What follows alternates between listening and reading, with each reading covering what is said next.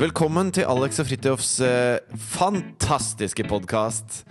Her i podkasten tar vi for oss dagligdagse temaer, våre små liv. Vrir og vender på temaer for å underholde ørene deres. Takk for lånet av de, forresten. Ja. Jeg har aldri sagt det før. Jeg hørte noen si det her forleden dag. Takk for lånet av øret. Øret ditt. Ja, men det Det er jo egentlig ikke øre, øret. Altså Øret er jo det som er utenpå. Det er brusken. Og den er laget for å fange inn lyd som blir kastet mot deg. Lydbølger er en fysisk ting. Jo. Som da Men- treffer øret, og så, og så kanaliseres inn i øregangen. Og så Ørene bypasser jo vi fullstendig. Nesten Ja, alle har sånne plugger som de putter inn. Men vi lever i 2014, utseendets år. Det jeg synes det alltid sånn I Kina så har de Det er jo Ja, alltid er det liksom, dragens år. For meg er det det. Det er et tydelig eksempel på at nå er utseende is everything. Ok Tror jeg da Og da Ja. hvis du ikke hadde hatt ører, eller hvis du hadde vært en av de musene med øre på ryggen som er klonet, ja. hadde ikke funka like bra. Selv om si, det er jo på en måte oppmerksomheten vi låner. Og oppmerksomhet, ja, hva er det? Jo, det er en vare. Ører er altså en sånn målestokk for hvorvidt jeg har lyst til å være med i en sportsgren eller ikke. Rugby, for eksempel. Da må du teipe Oi. ørene inn til hodet. Rugby er ikke Jeg vil ikke være med på en sport hvor du må teipe ørene inn til hodet for at det ikke skal bli revet av. Aldri tenkt på at det er ørene man teiper inn. Men jeg husker da jeg var en rimelig dyktig fotballspiller back in the days, Ja. så var det jo eh, Teipet du brystvortene da? Man måtte jo teipe brystvortene, for det blir ekstremt såre. Fordi fotballdrakter har ofte et stoff som ikke er eh, vennlig mot eh, øm hud. Ømme hudområder. Og brystvortene dine, de er ømme. Ja, men det blir jo fort det. Altså, det er jo et, et eller annet annet stoff Et annet hudstoff på brystvorta enn på resten av kroppen. føler jeg Men altså hvis en eh, rugbyspiller spiller uten å ha teipet ørene inntil eh, hodet, mm. så får han enten øret revet av, eller så får han det som kalles for blomkålører. Ja, ikke sant? Hvor du har most brusken så mange ganger at det ser ut som en blomkål.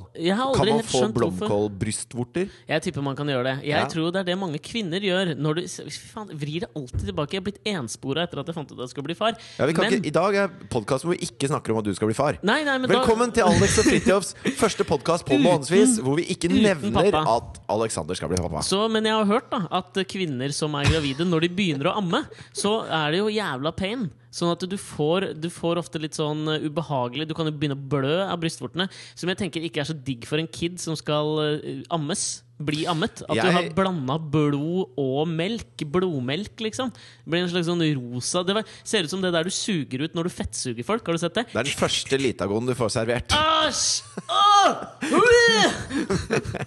Med blodsmak. Ja, ja, det kan jo jeg, Men eh, hvis jeg kan eh, knyte i hop denne lille sekken Mm. med å si at eh, barn har også fått mine bryst, brystvorter til å blø en gang. Brystvorter. Ja.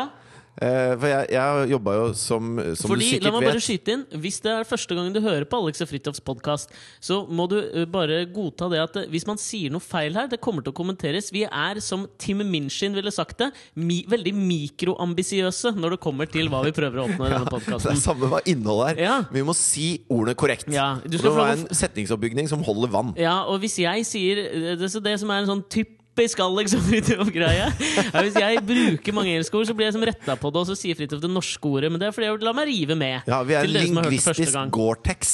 Absolutt! Ja. Var det ikke Gore-Tex som, eh, som var det firmaet som først benyttet seg av Ikke sant? Nå Vet du hva Gore-Tex er? Det er et stoff, er det ikke det? Jo, og vet du Mm. hvorfor det er eh, vanntett? Nei. Det er fordi at eh, mens det fremdeles puster, da Det er jo en oppfinnelse. Det er jo trademark Gore-Tex. Ikke sant. Denne podkasten uh, sponses av uh, Gore-Tex. Gore-Tex. Eh, Gore-Tex har så små eh, fibre at eh, vanndråpene ikke kan eh, bli så små. Sånn at vanndråpene kommer ikke gjennom.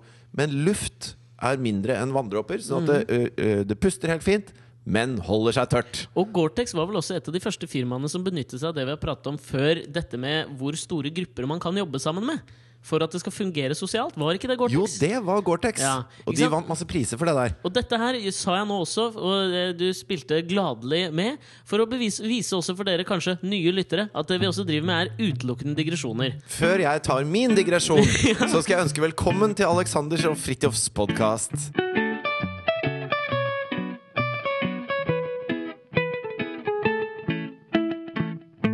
Det jeg skulle si om barn og brødrene blø... Jeg jobbet eh, som tiger et år. Jeg gjorde det. Ja, eh, hvor Oslo by s- feiret eh, 1000 år. Og da, eh, vi er jo som kjent Tigerstaden. Så de uh, hyra inn meg Er til vi? å, Jeg trodde det var den eh, TV2 Bliss-realityserien. jeg. som utspiller seg i Tigerstad. Ja. Eh, så de hyra inn meg til å være tiger. Mm. eh, hvor jeg fikk da en sånn skreddersydd tigerdrakt eh, med, med veldig rutt materiale. Skreddersydd! Ja, ja. Var du hos en skredder som tok mål av deg til mål en av. tigerdrakt? Oh yes. Fy faen, det må være Men hvordan hvordan sier man at et materiale er ru? Rutt. Et rutt Ja, materiale? et rutt materiale. Ja, det var veldig rutt materiale inni Ja. den drakta. Ja. Og så på Barnas Holmenkolldag Så er jo, da spiller bytigeren en stor rolle. Mm. Han er altså klatrestativ og lekeesel for tusenvis av barn Mm. på Holmenkollen. Eh, og jeg hadde hatt fest hjemme dagen før, så jeg var klein som en idiot. Og, satt, og jeg hadde gått sånn bodypaint-kurs også, for å så sminke da tigeransiktet mitt. Så jeg satt i, i Var det sånn at du skulle på gjøre det på bar nå? Det jeg alltid er Nei, det, nei, nei. Eh, Tigeren prater ikke og gjør ikke. Han bare eksisterer. ja. Så jeg fikk ikke lov til å si noe annet enn.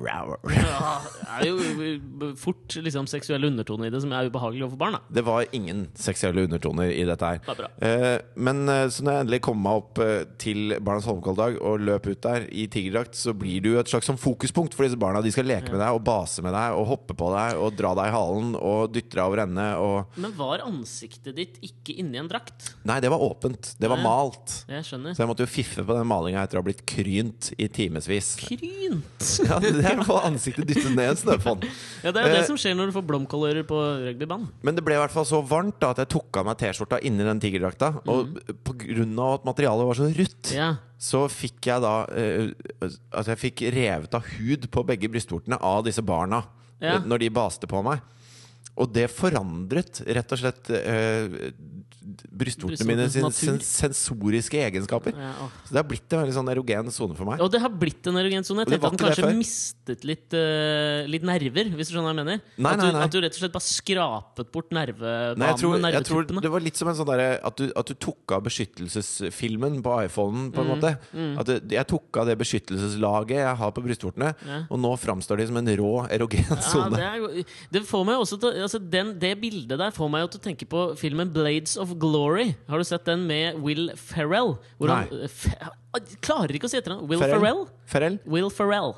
Hvor han spiller da han uh, ice skater uh, som skal uh, lykkes i OL, være litt bad boy.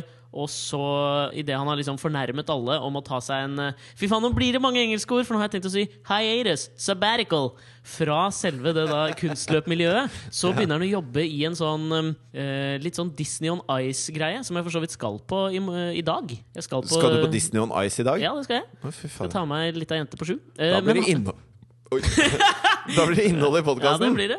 Men der, for der har jo han Jeg, jeg ser for meg deg litt sånn fyllesyk i, det i, i det samme bildet som skjer i den filmen, hvor han er liksom dritings inni en sånn svær sånn eventyrkostyme, og så spyr han inni kost, kostymet mens barn ser på Ja, han. ja. Og det liksom hadde vært den ultimate Fordi det er liksom det nydelige med barn som møter det liksom den, den angsten som du prøver å døyve med liksom spritfylla, fordi Jo, men- du må være denne tigeren. Men jeg klarte liksom å holde den maska. Altså, for de barna så var jeg, ja, så var jeg en leken, eh, et lekent kosedyr Mm. som ble kryna og hoppa på. Og lite visste de at inni der så fantes det en, en superklein gitarist i rockeband som Ja. hatet livet sitt og blødde fra begge brystvortene akkurat da. Ja. Vanskelig, vanskelig vanskelig, kombo. det er en vanskelig kombo. Men eh, eh, apropos Will Ferrell, jeg føler at han er med i den derre Den gamle Jeg føler at Å ja, nå skjønner jeg. Nå du skulle- jeg føler han er med i en film. Nei, han er det ikke, er det? Men han er en del av den gamle, gamle garden med amerikanske entertainers. Ja, han er litt old school. Sånn Han er old school. Og jeg så på Skavlan i helga, så var eh, David Hasselhoff. Ja, det så jeg på, ja. Så du på det? Ja. Det er jo veldig, jeg synes det er en sånn befriende greie når vi begge sitter og ser på samme TV-program. Ja. For Da kan vi liksom sende tekstmeldinger, og så reagerer vi ofte på de samme tinga. Ja. Og det er veldig behagelig. Kan jeg fortelle hva jeg reagerte aller mest på?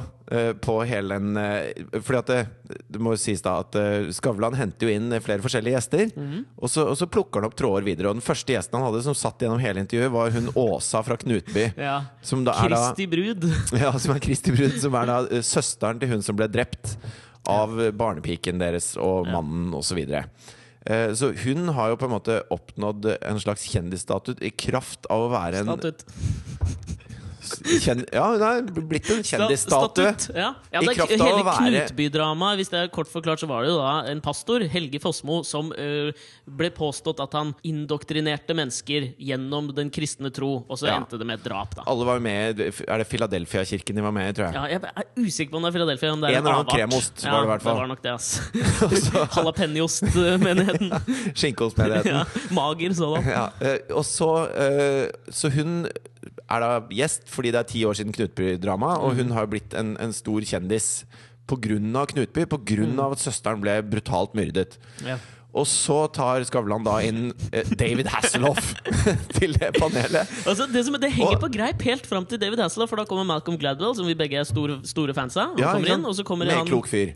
Fantastisk. Veldig bra intervju, selv om han egentlig bare satt og resiterte kapitler fra Han, boken han sin. leste ingressen i boka si, liksom. Også, men det var jo meningen, Ja. for da har folk lyst til å gå og kjøpe den boka. Og så kommer Nicolay Lee Kaas, en dans, er ikke den heter, han danske skuespilleren som har vært litt i Hollywood og spilt i 'Engler og demoner', eller noe sånt nå, som også Ja. har en liksom sterk historie at begge foreldrene døde og sånn. Hittil henger det på greip dramaturgisk. Og så kommer The Hoff. Og så kommer The Hoff altså. og, og greia nå med David Hasselhoff er at han skal lage et talkshow i Sverige. Ja. Han ble utfordra til å gjøre det, og tok utfordringen på alvor. Mm, Philip og Fredrik som, eh, Faktisk. som gjorde det. Og så, og så sier da Skavlan stiller han spørsmålet sånn eh, Hvordan går det om dagen? Og det, dette er det første jeg har bitt meg merke i. Det kan du bare si på amerikansk. Du, Ja. du kan kun være en aldrende amerikansk eh, hoffmeister. Solariumsbrun, sådan. Solariumsbrun og, og med veltrimmet lugg og i en dress som sitter skreddersydd. Ja. Og så sier han følgende setning på spørsmålet hvordan går det om dagen. I'm on the half train, and the half train is smoking. altså, vis meg en nordmann som kan si altså, Hvis jeg, da, Fridtjof Nilsen, på ettermiddagen Ja, Fridtjof, velkommen hit til ettermiddagen. Hvordan går det om dagen? Vet du hva, Jeg sitter i forsetet på Joff-toget, og det børner av gårde. Honk, honk! Altså, du, det går ikke an, da. Men Ja, når David. Hasselhoff sier det, så tenker jeg sånn Du kjøper det. Greit! Ja, han kan si det. det. Og så stiller de da videre sånn hva, uh, hva er det som gjør at du kan holde et talkshow i Sverige? Altså, du kjenner jo ingen av de svenske eh, menneskene, eller hvordan Sverige fungerer. Hva er uspen din? Din Ja. unique selling point? Hvorfor skal vi se på dette programmet? Og så sier han Det er mitt unique selling point. Det at jeg ikke vet, for da stiller jeg på lik linje med mange av seerne. Mm. Og så kan jeg gå inn i enhver situasjon og være nysgjerrig på mennesker. Og så snur han seg Mhm. Ja, fordi det- mot For da sier han at Det første spørsmålet jeg da kan stille til alle gjestene som kommer inn her, hvorfor er du kjendis? Ja, så snur han seg mot hun Åsa Waldau, som er kjendis fordi søsteren hennes ble drept av barnepiken og hennes manipulerende ektemann. Så han snur seg So- mot henne. So, why are you famous? Han kunne valgt alle andre som satt der. Og Fredrik Skavlan tør jo ikke å Nei. si nå dreit du på deg, Ja. Hasselhoff. Vet du hva, Vi tar en stopp. Dette er ikke live. Still det spørsmålet Ingen til Nicolai Lie Kaas Og istedenfor. Lie Likås løftet hånden og la den over øynene og bare Nei, nei, Ja. nei. Og, og bare Det, det døde så fullstendig. Hvor hun og, svarer sånn det, det tar for lang tid å forklare. Well, I've got all the time in the world, baby! og ingen fortalte David Hasselhoff at han gravde sin egen grav så dyp og ettertrykkelig akkurat der. Ja, men jeg tenker sånn, Hvis jeg hadde vært eh, David Hass altså, han, Alle de eh, stjernene der har jo sånne PAs, altså personlige assistenter. Hvis jeg hadde vært hans PA, for han har sikkert Ja. fått en i Sverige, som sto bak scenen der, da hadde jeg virkelig Jeg hadde liksom skjelt ut noen i den redaksjonen som ikke fortalte han. Preppa, Alle kan spørre, jeg hadde ikke preppa det Hoff litt ja. først. Jeg hadde bare sagt Hoffmeister, gå inn, vær The Hoff. Vær på The Smoking Hoff Train. Men ligg unna hun der. Hun har månedskort på The Hoff Train, så bare la henne passere. Dette er noe hun er i ubetjent vogn. Ja. De andre kan du prate med. Hun er, altså, hun er humorens Lee Harvey Oswald, liksom. Ikke gå den veien. Men snakk med de andre folka. Men det er jo en det er, Jeg syns det er fascinerende Det var et, en ekstremt fascinerende team- TV-team å følge på med på den Skavlan-timen. Fordi jeg syns han Ikke til Skavlans kreditt, føler jeg. Nei, egentlig ikke. Nei, egentlig ikke. Nei. Det er sånn vanskelig når man jobber med det samme sjøl, å sitte og kritisere folk, så jeg skal liksom ikke synke ned dit. Men det som, er, liksom, det som brøyt liksom, med dramaturgien for meg i det programmet, og som ødela bildet mitt av Malcolm Gladwell òg, som vi har prata mye om, som vi er fans av, jeg er fan Ja, ja. av han, det er på slutten, hvor Fredrik Skavlan sier Malcolm, du har et spørsmål til deg, Hoff, og så vil han da ta en selfie med David Hasselhoff. Altså at Ja. Malcolm Gladwell gjør det. Og der bryter det. De har hatt en fantastisk fin, koherent samtale som på en måte rundes opp, og bagen lukkes igjen. Skavlan, Skavlan gjør det på en rimelig ok måte. Ja. Og så kommer bruddet for meg der. Ja. Og der faller jeg av. Der faller jeg av toget. Alles tog. ja. Det jeg blir som den selfien som hun danske statsministeren tok sammen med Barack Obama. Helle Thorning-Smith, ja. Ja, Hun fikk jo over gjennomsnittet tynn. Og så prøvde hun etterpå å, å bortforklare det med at det var ikke en selfie. Jeg spilte bare Wordfeud. ja, se på ordet jeg skrev. Men jeg syns hun fikk ufortjent mye tyn fordi, for å ta en selfie med Barack Obama. Ja, blir Poenget var jo at de satt i Nelson Mandela sin begravelse, ja, det, det er greit. Og så sier hun Hey, can I take a picture with you? ja, jeg bare føler at Vi kjenner liksom ikke situasjonen. Og så føler jeg at Hvis det hadde vært Si at det hadde vært uh, David Cameron da som tok selfien, så føler jeg ikke at det, det, debatten hadde gått i samme retning. For hun fikk tyn fordi hun var dame, liksom. Og det ble sånn Se på de bildene vi har tatt av Michelle Obama ved siden av, som er så forbanna på mannen sin fordi han flørter med Ja, det er jo Gucci-Helle. bare, det er jo bare, Det er ikke- en, en, det er bare et oppspinn, Ja, selvfølgelig. ja. Men, men det som er altså, Det som fascinerer altså, det, er, det er location, da. Altså, Location, location, location, location. location. Ja. Det at de sitter i Nelson Mandela sin begravelse. Mm. Gjør at det er vanskelig å, å ta en selfie med Barack Obama. Ja. de må gjerne gjøre det utafor eller før eller etter. Eller et eller annet da, Bare ikke Mm. akkurat mens det holdes en minnestale for en av våre tids, vår tids store ledere. Ja. Og det er litt som eh, Jeg vet ikke om du fikk med deg Det har vært sånn fredskonferanse i Sør-Sudan. Mm. Altså, eh, vår lille klodes nyeste nasjon, da. Som blir Resultatet av en revet i enorm borgerkrig. Ja. ja, og den er på full fart inn igjen. Dinkar eh, mot eh. Nå husker jeg ikke hva de andre Nei. heter. Men eh, i hvert fall så skulle de ha eh, da en eh, fredskonferanse i Er det Addis Ababa? Addis Ababa, ja? Ja, jeg tror det er? Addis Ababa. Addis? Ababa. La oss si det, da. Altså, hvis noen mener at vi kan ta feil, så kan dere sende mail til alexogfritjof.gmail.com eller skrive det på Ja, Facebook. uansett. Eh, da partene skal møtes for å snakke om dette her. Det er allerede 400 000 mennesker som er eh, drevet vekk fra hjemmene sine, og det myrdes mennesker over en lav sko. En slags Dette Afrikas Jalta-konferanse. dette er prekært. Ja. Hva skjer da? De møtes på det største, mest businesslignende hotellet i Mm. Addis Ababa, som er en storby, eh, for å ha en fredskonferanse. For å se om de kan finne en eller annen uh, felles uh, grobunn hvor de kan bygge videre. da og, og få denne lille nasjonen som er Sør-Sudan, opp å stå. Mm. Men så er det noen japanere som har booka møterommet. Det er så gøy også når det er i bestemt form entall, for da vet du at du er i et afrikansk u-land. Ja. du er fredskonferansen. Det var ikke noe Så alle lederne kommer, alle stammelederne, Dinkar Ja. og alt mulig som kommer for å snakke sammen om mennesker dør hvert minutt. Ja. Dette er prekært. Og så er det sånn uh, I'm sorry, the Japanese have the room Ja, today. og det er typisk, at Møterommet heter jo da selvfølgelig New York er booket i dag. Det kalles New York, LA. De, de har bare New York. Så de må da samles i en åpen nattklubb som heter Gaslight. Hvor, hvor det er sånne Det pressebilder er av Hvor du ser. DJ-en står i DJ-pulten bak ordstyreren. Og de sitter på dansegulvet for å prøve å snakke om hvordan de skal få fred. Og det er et bråkete lokale med gullsøyler og alt mulig. Og masse, masse glassfasader. Og det er liksom ordentlig sånn nattklubb, da. Men fader, altså jeg, jeg, Når jeg liksom tenker det, så tenker Det umiddelbare tanken er liksom ha-ha, så jævla teit. Men, men kanskje, det er, kanskje det er bra? Kanskje man trenger å rykkes ut av konferanserommets og liksom møtevirksomhetens uh, trygge favn og sette seg liksom på et dansegulv, sånn at det, imellom talene så Ja, spiller er han en i gang litt dubstep. når du, når, du kommer, når du kommer på jobb, da, og så skal, det du skal gjøre, er uh, uh, Kan ikke du forklare meg hvorfor dere dreper alle vennene mine? Og så skal jeg forklare deg hvorfor vi dreper alle dine. Ja. Det er liksom det du skal snakke om. Og Så kommer du ned i resepsjonen, så bare eh, Hvilket rom skal vi være på? Ja. Nei, du, sorry. Han DJ-en har vi betalt for å spille hele kvelden. Da må han spille hele kvelden. Men det er sånn talende for hvorfor konflikten eh, eskalerer til det nivået den gjør. Når du ikke engang altså, Hvor det er noen så, som liksom sånn, ja, ja. ikke klarer å booke møterommet. Og så blir det krangelen, føler jeg. da Også Når du når- begynner, så må du få hvem, har, hvem var det som skulle booke møterommet? Det var dere! Nei, fy faen, det var dere! Du fortjener en skuddmissil!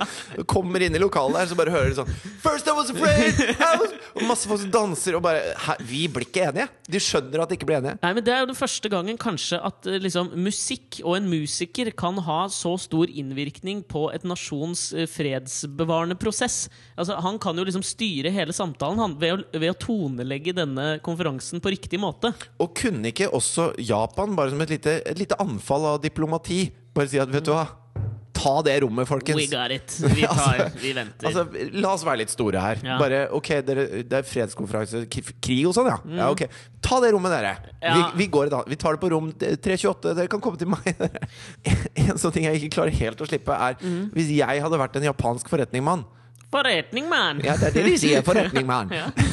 Så hadde Ja, jeg minste felles multiplum av humor, ass. Han sa feil. Han sa feil. Som hadde flydd til Addis Abeba for Ja. å finne ut hvordan jeg skulle utarme naturressursene i dette nybakte nybakte var det det de skulle? Nei, jeg Altså, vet da faen hva de skulle. Ja. De skulle i hvert fall snakke sammen om et eller annet i Addis Abeba. Ja. Og så hadde jeg sett at det her, her står de og skal prøve å avslutte borgerkrigen. Mhm. Så hadde jeg tenkt vet du hva, vi tar det på tomt Vi, vi tar det et annet sted. Ja, men det, samtidig så, altså, Jeg tenker jo at i, disse japanerne nyter sikkert veldig godt av at det fins liksom tolv warlords rundt omkring i Sør-Sudan som de kan forhandle med for å få ned prisen. Så det kanskje var et sånn storpolitisk grep. Det Ja. enkleste sådan. Du trenger ikke å angripe noe sånt, du må bare sørge for å booke møterommet fredskonferansen skal holdes på. Så er liksom den økonomiske framtiden til Japan løst. Ja, For da har de kontrollen. Ja.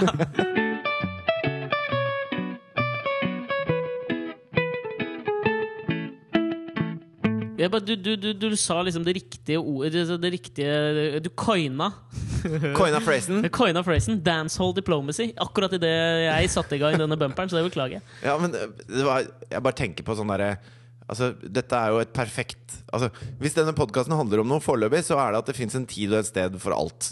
Og, og det fins eh, et sted å ha en fredskonferanse, og det er ikke på dansegulvet. Det fins et sted å ta en selfie, og det er ikke i begravelsen til en av verdenslederne. Og jeg syns også, hvis du skal ta eh, Fredrik Skavlan, så Fins det en tid og en sted for å stille spørsmål til Åsa Waldau? ja. Ja. Og, men Fredrik prøver jo å lage et litt sånn lettbeint humoristisk program. Ja, men Samtidig som som man skal ha møter dybde. liksom de dype greiene. Ja. Ja.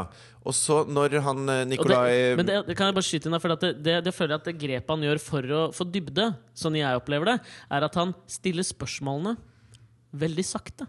Ja. For da får de liksom en større tyngde. Da legger han undertekst Og hodet litt på skakke. mellom linjene. Jeg hater det Blir folk funget til å tenke? Funget blir de faktisk. Ja. Jeg har fem snus i kjeften, så jeg klarer ikke å prate lenger. Men ja. Og så, var det når da Hasselhoff kommer inn, og, og ting skal bli lettere til sinns, og alt mulig sånn, og han Nikolai Hva heter han igjen? Lee Kaas, tror jeg. Lee Kaas, ja. Så, så snakker de om at han skal jo være stjerne i de nye filmene om Jussi Adler Olsen sine bøker. Mm, krimforfatter. Og så sier hun Åsa Waldau 'Jeg elsker krim'. Og så sier da Fredrik Skavlan en vits som bare detter pladask. Det er mageplaskvits. Hvor han sier sånn Det låter nesten litt rart når det kommer fra deg. Ja. Hvor du liksom, Da lager du en vits ut av hennes myrdede søster. Og, det, og Ja. det, er noen, det er noen Hvis du skal være den kloke, Fredrik, Mm. og gå den knivseggen det er å lage humor og dybde samtidig, Ja. Så må du vite hva som er morsomt. Du trenger ikke kødde med døde folk foran de pårørendes eh, åsyn. Skjønner du hva jeg mener? Nei, og jeg syns nesten Hasselhoff er frikjent, for han vet ikke bedre. Han er er the fucking feil. Hoff, liksom. nei, nei, nei. And the Hoff train is smoking. Men Fredrik Skavlan har researchere Ja. som bør fortelle han når du snakker med henne ikke vitse om søsterens død. Nei, eller kunne bare sagt Hun der eh, er her fordi søsteren har dødd. Liksom, ferdig. Ja. Og, og da, da er liksom den posen lukket. Og jeg tror The Hoff har såpass sosiale antenner at han ville tatt det. Selv om liksom hofftrainer kanskje kan spore han noen ganger. Hvis hofftrainer hadde visst at, eh, at det var det han spurte om, så hadde ikke hofftrainer spurt om det. Nei. Men dette her får meg også altså Alle disse tingene vi har pratet om det nå, får meg til å tenke på en annen ting som har liksom virkelig øh, kommet seg inn i, ryggmargen min denne uka her, Ja. og irritert meg. Spennende. Til det altså, altså, det er liksom sånn at det er det, jeg, jeg irriterer meg nå over at jeg irriterer meg så mye over det. Okay. Og har vært usikker på om jeg skal liksom gi det kringkastingstid i podkasten vår, men jeg kom, landet ned på at jo, det skal jeg. Jepp, det skal. Ja. Hans Rotmo fra Vømmøl spellemannslag. Har du fått med deg nå at denne uka har han nok en gang skrevet en, en låttekst som er ubeskrivelig rasistisk? Ok. Han har jo gjort dette en gang før og forsvart det med bla, bla, bla. Ja. Nå, er, nå er han ute igjen. Og har, har, er sånn, øh, innvandrerne har lopp, altså lopper og lus, kommer til landet og skal? Du skjønner. Det er, jeg vil ikke gjengi det, nesten. Det er, bare, det er det minste felles multiplum av liksom rasisme Enkelt og greit. Og han Ja. mener jo at det ikke er rasisme. Og det som irriterer meg aller mest med det der, Det er bare fakta han presenterer da, eller? det er det samme som skjer på Skavlan når, når de ikke liksom opplyser hoffet om det, og ikke liksom setter liksom et, en sånn tydelig 'ikke spør om det', eller 'her er fakta'. For det føler jeg at det ikke skjer når jeg leser da intervjuene med Hans Rotmo i etterkant av dette her. Så blir han intervjua i VG, ikke sant? skal de ta opp dette her. Og så skal han forsvare seg for hvorfor han har skrevet dette her. Og så er det liksom den første forklaringen som han alltid kommer med, sånne folk, er liksom 'jeg sier bare det folk tenker og ikke tør å si'. Ja. Og den unnskyldningen gjelder ikke lenger, mener jeg. Hvis jeg skal trekke en parallell, da, så er det en 16-åring nå i California som kommer fra en veldig bemidlet familie. Har levd et liv i sus og dus. Og så har han susa og dusa så mye at han, han og noen kompiser stjal to kasser øl fra en butikk. Drakk de to kassene og kjørte eh, Forden eh, Han kjørte da Forden eh, ekstremt fort. Og meide ned fire fotgjengere. Og lemlestet en femte. Blir arrestert med veldig, veldig høy promille. Og har da tatt livet av disse menneskene. Og så kommer det til rettssak, hvor da de har leid en, en veldig dyr advokat. Som har funnet ut Jeg liker å si leid. For det Ja. er det man gjør. Man leier en advokat. Leier han inn i rettssalen. og, så, og så har han da klart å komme opp med et forsvar som har fått denne gutten fullstendig frikjent. ja. Og det forsvaret er at han har levd et liv hvor foreldrene ikke har stilt han til ansvar for ting. Så derfor har han heller ikke det moralske kompasset som forventes å ha, fordi han har levd in affluence. Så Ja. han lider av affluensa. ja. Ja, det, ja, men det er begrepet deres, da. Og dette klarte han å selge så bra at han ble frikjent for mordet på fire og et halvt menneske. ja, men det er ikke til å fatte. Altså, det er Og det, og det er jo sånn, altså Når du sier da at han har levd så i sus og dus at han vet ikke bedre, Mm. da, da sier du så mye, da hvis det er godkjent forsvar. Og det er akkurat det samme som skjer med Rotmo. At Ja, fordi- Hvis han ikke tenker ett hakk videre på hva han sier for noe, da er det ingen som kan dømmes for noen ting. da Nei, Altså Hvis du blir slått av faren din, så har du lov til å drepe uh, barnet ditt når du da blir pappa senere. Og det er her jeg mener liksom forklar, altså det, uh, forklar, Vi må ha noen nye forklaringsmodeller. Altså det er ikke noe sånn, Vi skal ikke sitte i denne podkasten, og dette er ikke liksom uh, en, en arena for liksom bitende mediekritikk. for sånn er vi nok ikke. Men det er, liksom, det er noen ting her som er liksom viktig og, som jeg synes er liksom viktig å påpeke. Og så kan vi si at vi synker ned og liksom diskuterer Hans Rotmo. Det er jo åpenbart at han tar feil. Men det jeg syns er jævla viktig, og som ikke skjer i rettssalen, det er at noen stiller det åpenbare spørsmålet liksom sånn Hvorfor er dette riktig? Og det, det, når jeg leser da saken om når Hans Rotmo skal forsvare dette her, Ja. så, så, så får han liksom spørsmålet Eller så får han lov å si da at ja, men tall fra Statistisk sentralbyrås rapport viser at i Oslo i 2040 så kommer det til å være mange flere innvandrere enn nordmenn i Oslo. Og så er neste spørsmål fra journalisten da Ja, så du mener at eh, flere innvandrere, mer bråk? Og der mener jeg at det er- er der vi tråkker feil i liksom sånne Altså at vi, vi lar folk slippe unna, unna med å påstå sånne ting. For Ja. jeg har faktisk lest den SSB-rapporten som Hans Rotmo refererer til. Og det bør også journalisten som intervjuer han gjøre. Akkurat det. Og så jeg tenkte, nå skal jeg bare set things straight, som de så godt sier. Fett! Fordi nummer én det stemmer ikke, det han sier. Tallene for Oslo eh, det, som, det som de til og med skriver Jeg tok en screendom, for jeg hadde den på mobilen min. Okay. Tallene for Oslo blir av og til brukt i innvandringsdebatten om hvordan utviklingen vil bli i, hele Norge. Det gir et helt galt bilde. Står det i rapporten! Det som det, det, Man må skumme vet du, når du skal skrive sangtekster. det er nettopp det. Du skummer, og så ser du liksom sånn Det kan være. Fordi poenget er Sånn som jeg syns vi må se på innvandringsdebatten, er jo at hvis du blir født i Norge, Mm. er du ikke norsk da. Du er født i Norge, du er oppvokst i Norge, da er du norsk. Ja, ja, ja. Men hvis du tar med eh, det tallet han refererer til, er at hvis du tar med barn av eh, innvandrere med, altså eh, innvandrerbarn med to innvandrerforeldre, så vil man kanskje komme opp i 40-45% men ikke om 30 år. Men det er inkludert uh, svensker, dansker, amerikanere. Men selv ikke for Oslo vil andel innvandrere komme i nærheten av halvparten av befolkningen de nærmeste 30 år. Dette er, dette er feil. Og det, det de sier også, er at de lager ikke vanligvis regionale framskrivninger av innvandrere og deres barn, for det er jævlig vanskelig å spå, da. Og Ja, og- Oslo er jo så- helt i en særstilling. Og så står det ikke noe i SSB-rapporten om at de har lopper og lus, alle de som kommer. Rotmo!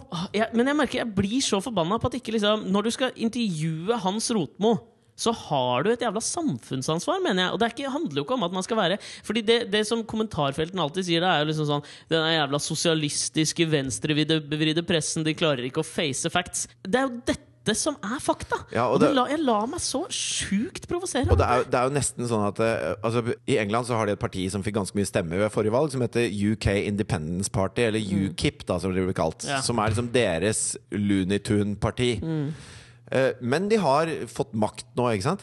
Og så uh, har de uh, Litt sånn bæsja på leggen. Ja, litt sånn Sverigedemokraterne. Ja. De, er ikke, de er mye verre enn Frp. Mm. De er liksom lenger ut på den skalaen. da Mye brunere. Ja. Jeg syns det er gøy at, eh, brun, at brunt er fargen på Det, Det blir etter blått, liksom. Skjebnens ironi også, med ettersom det brune er ofte det hates på den siden. Ikke sant. Og der er det da en av disse eh, innvalgte UKIP-medlemmene Mm. som har da sagt at eh, grunnen til at, eh, grunnen til at det har kommet sånne flash floods i England, Ja, hva er Nå. flash floods? det er flom, da. Ja, ja, ok. Ja, Ja. at det har vært flom i England, Mm. er fordi at vi har godtatt homofilt ekteskap. Så det er Gud som straffer oss. og, det, og det Det var en av de store egyptiske liksom, sånn, landeplagene skulle være floods. Og, ja, det er sånn veldig Han ser en tydelig korrelasjon mellom det og, og da disse eh, flodbølgene som rammer da deler av landbruksområdene. Ja. Og så har UKIP sagt at eh, Vet du hva, ikke, ikke si det så høyt neste gang det kommer en reporter, er du snill? Ja. Og sånn, Det får oss til virkelig dumme. Og så hørte jeg et intervju med han hvor han forteller da om dette her. Og så sier han da Og UKIP har sagt at jeg ikke skal si det høyt, selv om jeg vet at det er sant. Ja. Og, så, og så sier reporteren sånn Ja, men eh, du sier det jo til meg nå. Ja. Ja, men det er bare for å fortelle at nå skal jeg ikke snakke med reportere, sier, sier han på BBC. Ja. Og, og det, UKIP har også sagt sånn herre Ja, eh, i disse menneskene som kommer fra bongo-bongo-land, bruker de som terminologi. Og det er så, det er så Egentlig skulle jeg ønske at UKIP og Rotmo og alle disse menneskene som viser en sånn mangel på forståelse for fakta, faktisk kunne bruke ord som bongo-bongo-land om Afrika. Og at de kunne si at det, det, er, det er Gud sin feil at det regner nå. Eller det er, det er, han skylder jo på politikerne. Han sier at når de godtar homofilt bryllup, så er det jo ikke rart Gud tar igjen. Jeg skulle ønske de kunne være tydelige i sin retorikk på akkurat det. Så da vi bare kunne kaste det i søppelbøtta med en gang. Ja, at vi ikke trengte å snakke mer om det.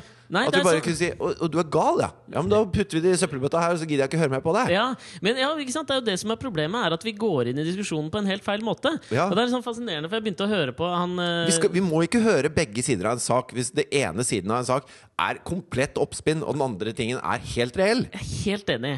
Eh, Fordi jeg begynte å høre på uh, Altså han Brett Easton Ellis, eh, forfatteren av American Less Than Psycho. Zero, uh, American Psycho Luna Park. Ganske kjent amerikansk forfatter. Var vel en viss sånn wunderkind. Ga ut sin første bok som 21-åring, ble genierklært og har liksom blitt en litt sånn kultfigur. Begynte å skrive filmer uh, og jobba en del med det. Og han er jo en sånn fyr som får mye sånn tyn i amerikanske medier, for han er veldig sånn tydelig med hva han mener, og er litt, han er litt snål, kan man vel si. Ja. Han har begynt å lage en podkast hvor han det er ikke en, han, alle sier det er ikke en intervjupodkast, det er en samtalepodkast.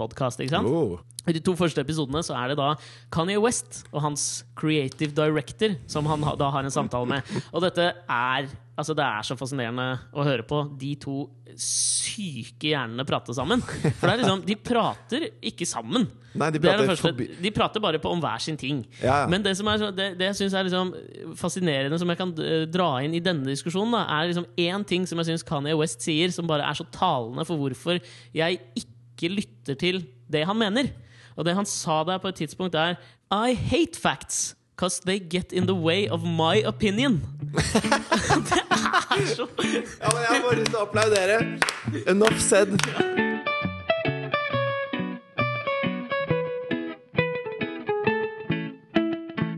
Men bare for å sette spikeren i kista på hele denne eh, 'det fins en tid og et sted for alt mulig'-debatten, så, er det en, så er det en norsk kunstner som heter eh, Bjarne Melgaard. Bjarne Melgaard kjenner jeg jo ganske godt til. Ja, hva, hva er det han har gjort? Nei, han er jo han, Sett kanskje- ham på plass for meg. Han er vel blitt liksom kjent eh, gjennom sin litt utsvevende livsstil. Jeg har vært på et par utstillinger med han også, hvor han har en veldig sånn eksplisitt form for kunst, som gjerne er litt homoerotisk. Baserer seg også i ganske mye sånn dopkulturen. Og han var jo ganske ute på kjøret som jeg tror han til og med var heroinist. Okay. Og var også en sånn veldig Han var vel eh, ute på bolekjøret også en periode. Oi. Og han er vel, jeg tror han også er liksom eh, Han er vel homofil, som også Ikke at det skal liksom være en slags sånn ting som setter han i bås, men han bruker det en del sånn i kunsten sin som er litt sånn provokativ på Ja. en eller annen måte. Fordi han har laget et, eh, et bilde, mm. eh, som er et- et fotografi, da.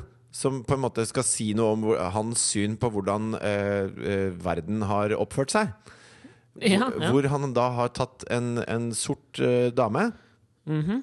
Kledd i litt sånn lakk og lær-undertøy, på en måte. SM-ish. Ja, men veldig lettkledd, da. Ja. Bare hofteholdere og truse og en liten bh, liksom, i lakk og lær. Dette er nok innenfor hans kunstneriske narrativ, ja. Ja, og lagt henne på ryggen, mm. og brettet beinene hennes oppå det. Og satt et stolsete oppå da eh, baksiden av hennes lår. Ja, Eh, sånn at hun ligger på en måte med knærne ved øra. Ja. Med et stolsete oppå det igjen. I stor frykt for å få blomkålører hvis de gnisser for mye. Absolutt. Mm. Og så, oppå, den, oppå det stolsetet, har han satt en, en vellykket eh, hvit kvinne i forretningsdrakt som sitter og bruker det som stol ved skrivebordet sitt. Ja. Som er jo eh, provokativt og ekstremt tydelig. Hadde jo hatt en enda større slagkraft hvis det var Helle Thorning-Smith som sto oppå stolen, og Michelle Obama som lå der nede med knærne ved ørene. Mens Helle Thorning-Smith tok en selfie, selfie. med Barack. Men i hvert fall, dette, dette er et, et kunstbilde som hører hjemme hjemme på en utstilling. Og så er det et, et magasin i USA som heter Buro 247. Ok. Som eh, Burro? Esel? ja, Kanskje det er to r i burro, er det ikke det? Ja, det er det. Ja. I hvert fall så har de da laget en eh, For dette er et blad som da skal lage en slags hyllest til Martin Luther King. Ok. Eh, og så har de satt inn da, litt sånn ute av kontekst, noen bilder. Ja. Blant annet dette bildet, uten å på en måte si at dette er eh, en provoserende kunst som Ja. skal vise et verdensbilde vi ikke vil ha. ja. Så har det liksom bare smelt opp det bildet, da. Litt sånn ut av ja, kontekst. jeg skjønner. Og da sier det jo plutselig bang, med god margin. Jeg skal legge ut Du må se det bildet. Ja, få se. Ja, det der er jo heldig. Har en veldig, nesten litt sånn Instagram-estetikk over seg. Lagt på noe sånn filter Heffe eller noe. Skjønner du? Ja. Ja, 70-tallsfilter. det var veldig 70-talls. Ja. Jeg skal legge ut det bildet på Mm. Alex og Fridtjofs podkast, sånn at dere også kan se det. Men, men det, det syns jeg beskriver at det, hvis en ting ses på i riktig kontekst, så Mm. kan det si veldig mye på akkurat den riktige måten. Men hvis man trykker det uten kontekst, Mm. så sitter man igjen med at det, at det sier det ak nøyaktig motsatte. Ja, det er, ja, men det er jo nøyaktig det som skjer med Helle Thorning-Smith når hun tar selfien, som jo i utgangspunktet er grei å gjøre. De fleste ville nok prøvd å ta en selfie med Barack Obama.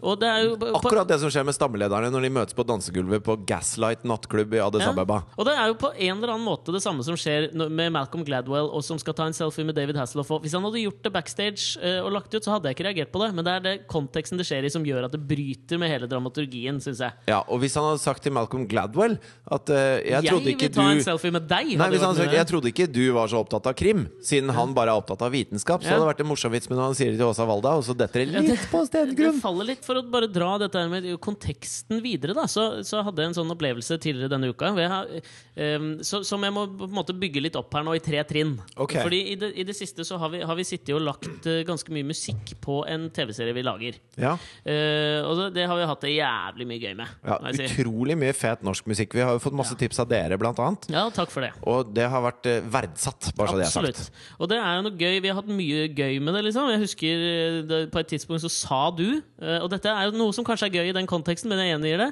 Hvor, du liksom, hvor jeg ser at du sitter og koser deg, og så sier du sånn Musikk er fett, ass! Og da, det er liksom Ja, det stemmer. Jo, men det er den derre Altså, jeg husker da jeg tok X-Fill på universitetet. Så, så uh, alle møter jo samtidig, og det er sikkert 1000 mennesker som skal ta X-Fill samtidig. Man er spredd utover alle fakultetene, og det er full spiker. Så det er proppfullt på banen. Og du ser at alle sitter og nileser på notater. Og da gikk jeg og hørte på Pantera på full spiker på headset. Og bare uten Pantera så hadde det vært en plagsom trikketur og en plagsom gåtur fra banen opp på Blindern og opp til selve campus. Ja. Men med Pantera på øret så ble det noe helt annet. Det ble et unikt innblikk i et eller Ja, annet så merkelig. føler Liksom. du på en eller annen måte at du kommer nærmere David Humes eh, filosofi da, og skjønner kanskje litt mer enn de 999 andre som tar X-Fill. Jeg vet ikke, jeg føler at det er det, den effekten musikk kanskje har litt, og det er det jeg skal på en eller annen måte komme til etter hvert her. Eh, Men så har vi hatt noen felles opplevelser da med dette gjennom uka. Mm. For jeg husker så får jeg tekstmelding av deg også da vi sitter og ser på Spellemann i hver vår stue, hvor Eilf Dale, jazzpianisten, kommer opp på scenen, og Ja, jeg får melding av deg bare sånn What the fuck? Dette var fett. Og Ja. nummer én så jeg super, eh, fikk litt pes for at det var en kjedelig TV-sending, bla, bla, bla. Men det syns jeg er dritkult, er at liksom i den beste sendetiden av Spellemann, sånn tidspunktmessig på en lørdagskveld, Ja. så lar de, kanskje for første gang jeg har sett det på en Spellemann-utdeling, en jazzartist liksom stå for et stort musikalsk innslag. Alene med flygel. Jævlig tøft. Og han, han redefinerer jo hva, hvordan man spiller på et flygel. Jeg ble jo helt sjokkert. Og det er dritkult. Og jeg, eh, jeg har hørt litt på den plata hans tidligere, tidligere i år. Og så tenkte jeg, etter at jeg har fått den meldingen av deg, så tenkte jeg et par dager etterpå, så, eh, så lå jeg i badekaret. Eh, For det er noe jeg prøver å gjøre en gang om dagen nå. Gjerne nå på kvelden, for nå rekker jeg ikke om morgenen. Okay. Så tar jeg meg en time i badekaret hvor jeg hører på musikk og leser en bok. For å, nå, for å få en slags sånn indre ro Ja, i meg. Dette er jomo. det er ganske jomo. Um, og så lå jeg, lå jeg i badekaret, liksom. Og så har vi hatt en litt sånn eh, litt tøff, tøff uke eh, jobbmessig. Og så lå jeg og leste en, eh, en bok som er litt tøff òg, men den anbefaler jeg. Kasio Ishiguro. 'Never Let Me Go'. Kjempebok. Ok. Eh, men som er litt sånn trist. På en eller annen måte litt trist. Den har en litt sånn melankoli i seg. Og så hører, den plata jeg hører på, er plata til Eilf Dale. Eh, og dette er kanskje litt sånn å sparke inn åpne dører jeg driver med nå, men jeg forteller det likevel. Ja. For det som skjer, da, er at jeg, jeg, jeg ligger der i badekaret, og eh, summen av alt jeg opplever, og konteksten der, gjør at jeg blir altså Jeg, jeg blir så angstgrepet og melankolsk at det holder på å liksom bare holde meg for øya og bare synke ned og bare end it all, liksom. Det var helt, det, var helt det var så trist. Jeg hadde det så jævlig. Jeg gravde meg sånn dypere og dypere ned, og liksom fysisk òg. Dypere og dypere ned i badekaret. Sank lenger og lenger ned i vannet. Ja, det var til slutt så lå jeg da Du vet jo at jeg hater å få vann i øra, så jeg hadde jo da fingrene i øra, men jeg lå liksom bare med hodet, altså ansiktet over vann. Du har jo en nese som egner seg for å kunne synke ganske dypt. Perfekt. Ja. Ja. jeg, trenger ikke sånn som Robin Hood i, tegnefilmen, at du har det der strået opp for å gjemme deg under. Jeg kan bare legge nesa litt sånn opp og puste. Men det var altså helt alvorlig. Altså, det var, jeg, var helt, jeg var så langt nede. Lenge siden jeg har vært så langt nede mentalt, liksom. Ja. Og så tenkte jeg at jeg skulle teste dette her da med liksom hva konteksten og hva man putter inn i konteksten, har å si for liksom den mentale mitt mentale velbefinnende. Så det jeg gjør da, at jeg liksom plukker opp Jeg liksom reiser meg litt opp igjen, legger fram boka, liksom, og så, og så tar jeg mobilen, og så setter jeg på en annen låt. Så det jeg setter på, er at jeg setter på Suede. Ja. Det gode gamle britpopbandet, hvis man kan kalle det britpopband. ja, kanskje det motsatte av Eyolf Dale. Ja, definitivt. Og så tar det liksom tre sekunder med vokalist Brett Andersons stemme på uh, 'Beautiful Ones'-låta. Ja, fet låt. Fantastisk låt. Ja. Det, jeg tuller nok ikke når jeg sier liksom sånn, for da sitter jeg liksom oppe i badekaret. Jeg tuller ikke hvis jeg sier kanskje bare tre sekunder av den gitarintroen. Kanskje vi skal bruke sitatretten nå og legge under denne låta her. Så du jeg bare få den følelsen. Ja, ja. Og jeg liksom retter meg opp i badekaret, og jeg kjenner jeg får gåsehud ser du det? av å prate om det nå. Du ser det? Det Og jeg sitter der, og så kommer liksom den første gitaren, og der tar det tre sekunder. Og så er hele Hele verdensbildet mitt, hele den konteksten jeg var inne i, er, den er så den, Jeg husker den ikke engang. Og det jeg hadde gravd meg ned i, er helt borte. Og liksom livet smiler til Nyhagen, liksom. Og, jeg, altså, og så blir jeg helt Jeg blir liksom slått i bakken av at det skjer. Så jeg hører ferdig låta i samme setningen og har liksom fortsatt den sinnssyke følelsen av at bare nå Nå er livet awesome, dude! Skjønner du? Og så og så, og så legger jeg den til side og så tenker jeg sånn Fy faen, det der er jo litt sånn som at Det har jeg ikke gjort, da, men det er sikkert første gang du tar kokain. Så får du liksom bare sånn What the f... Dette er jo helt Nei, det du- Dette er jo fantastisk! Det som skjedde med deg der, var jo at du for en gangs skyld så kjente du det Kanye West går og kjenner på. Det skal ikke mer enn tre toner fra en gitar til Nei. før faktaene ikke står i veien for ditt bilde av verden lenger. Fordi du bør ha det kjipt akkurat nå.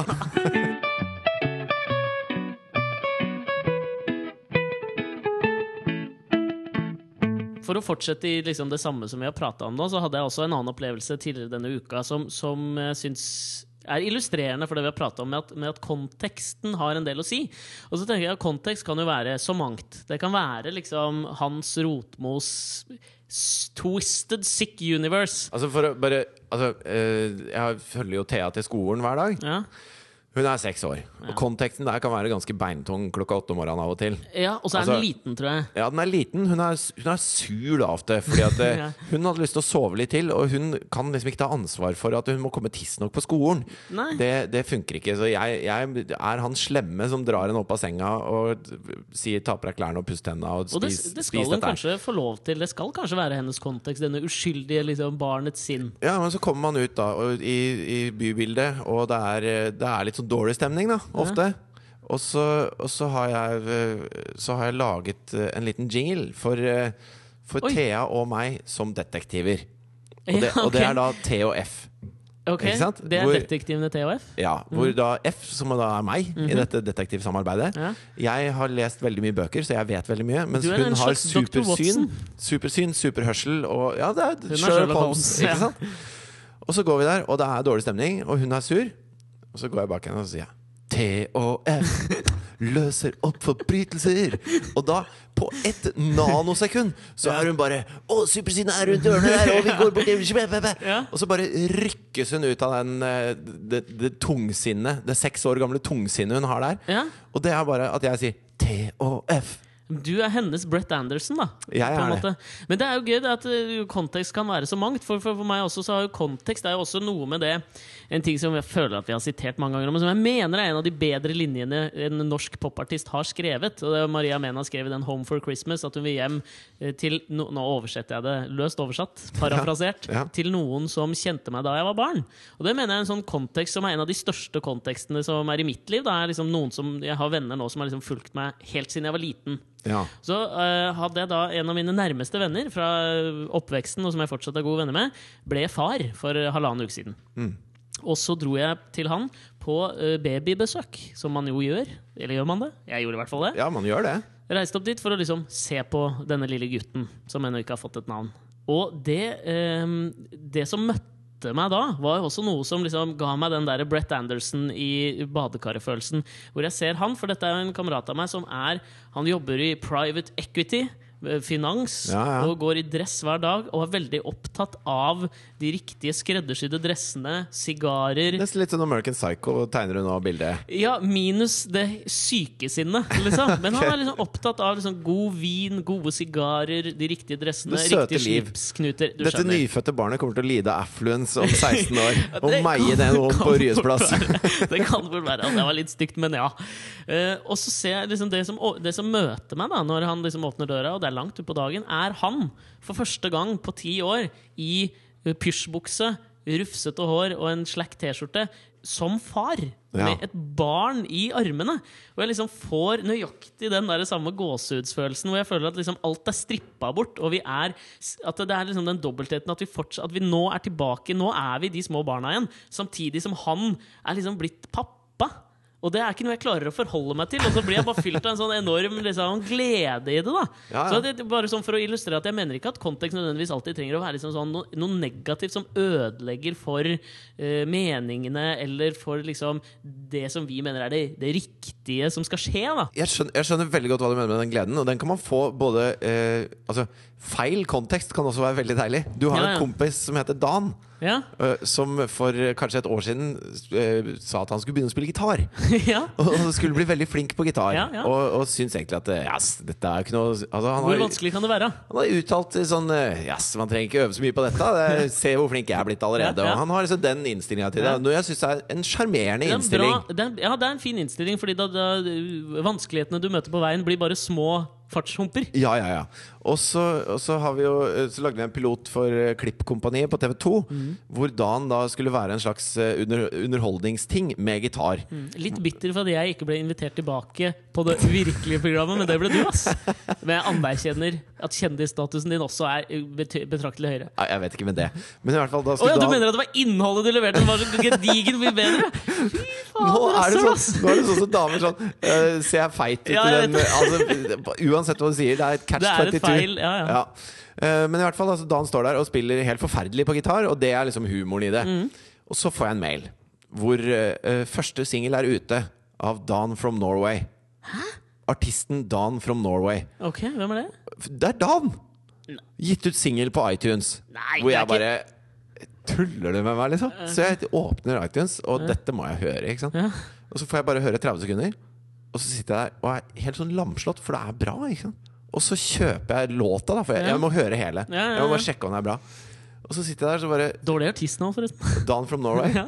det er veldig beskrivende. Da. Det er tydelig. Ja, det altså, vi har jo framelsket tydelighet her ganske ofte. Og så sitter jeg der og så hører jeg gjennom låta tre ganger. Og så, og så må jeg si til meg selv at vet du, han fyren her har, han har spilt gitar i to sekunder omtrent. Ja, ja. Og dette, dette, er, dette er jo fint. Dette det, er ikke, liksom. altså det, er ikke, det kommer ikke til å revolusjonere musikkbransjen, Nei. men det er bra. Det, det er en fin poplåt, og han synger jo fint. Det er ikke Jesus av Kanye West, men fint er det. ja. Og så sitter jeg der og er bare Jeg er litt sånn slått i bakken av denne egentlig helt greie poplåta. Ja. Helt til jeg skjønner at det er jo ikke han Dan. Da. Det er jo Dan, er Dan Sundhorvik, som jeg kjenner fra før av. Som Ok. er gitarist som jeg har spilt sammen med Wenche Knutson og Ja. masse forskjellige folk, som er kjempeflinke, Så Ja. selvfølgelig låter det fint. Men eh, det ble jo med en gang litt kjedeligere når det viste seg at det var Flinke-Dan, og ikke Rookie-Dan, som, som var Dan from Norway. Ja, men vi må jo Jeg tror alle, vi må alle kanskje på en måte Så der følte fremelske jeg vår meg litt egen som han, som han eh, fyren som mente at disse flommene i Storbritannia kom av homofile ekteskap. At eh, hvis du klarer å tro det, Mm. Ja. så gir jo verden mening. Og da kan du si at Afrika er bongo-bongoland, og da kan du bare tyte ut med alle dine idiotiske meninger. Men i det øyeblikket eh, verdens beinharde realiteter og fakta drar deg ned på jorda så må du ta stilling til det som faktisk er fakta, da. Ja, og så tror jeg det, det som er liksom eh, Dette blir sånn personlig eh, terapi for meg. Da, at jeg må Der tror jeg, jeg Og det oppfordrer andre til å gjøre. At du skaper da i dette i, dette er sånn ilandsproblematikk, da, men at du skaper din egen sånn nydelige kontekst da for å liksom komme på fote igjen, og ikke la deg liksom sånn som jeg lar meg rive ordentlig ned av Hans Rotmo. Som jeg liksom legger meg i badet der. Sette på Suede oftere. Skjønner du? At jeg må søke den følelsen oftere. Ja, og det som, og det som var viktig med det ba, bade, badeincidenten din, Ja. det er jo nettopp det at du må finne nye måter å oppnå det på hele tiden. Så man må alltid være på leting. Men når det gjelder podkast, skal du ikke lete videre. Fortsett å høre på Alex og Fritjofs podkast. Send oss mail, og like oss på Facebook, og tagg deg sjøl i bilder på Instagram, og kos deg. Ja, for litt av min kontekst også hjelper jo veldig når jeg får denne bekreftelsen fra lånte ørers eh, personer. Vi trenger disse sosiale klappene på skulderen. Vi gjør det så absolutt. Ha en nydelig uke, folkens. Hei då.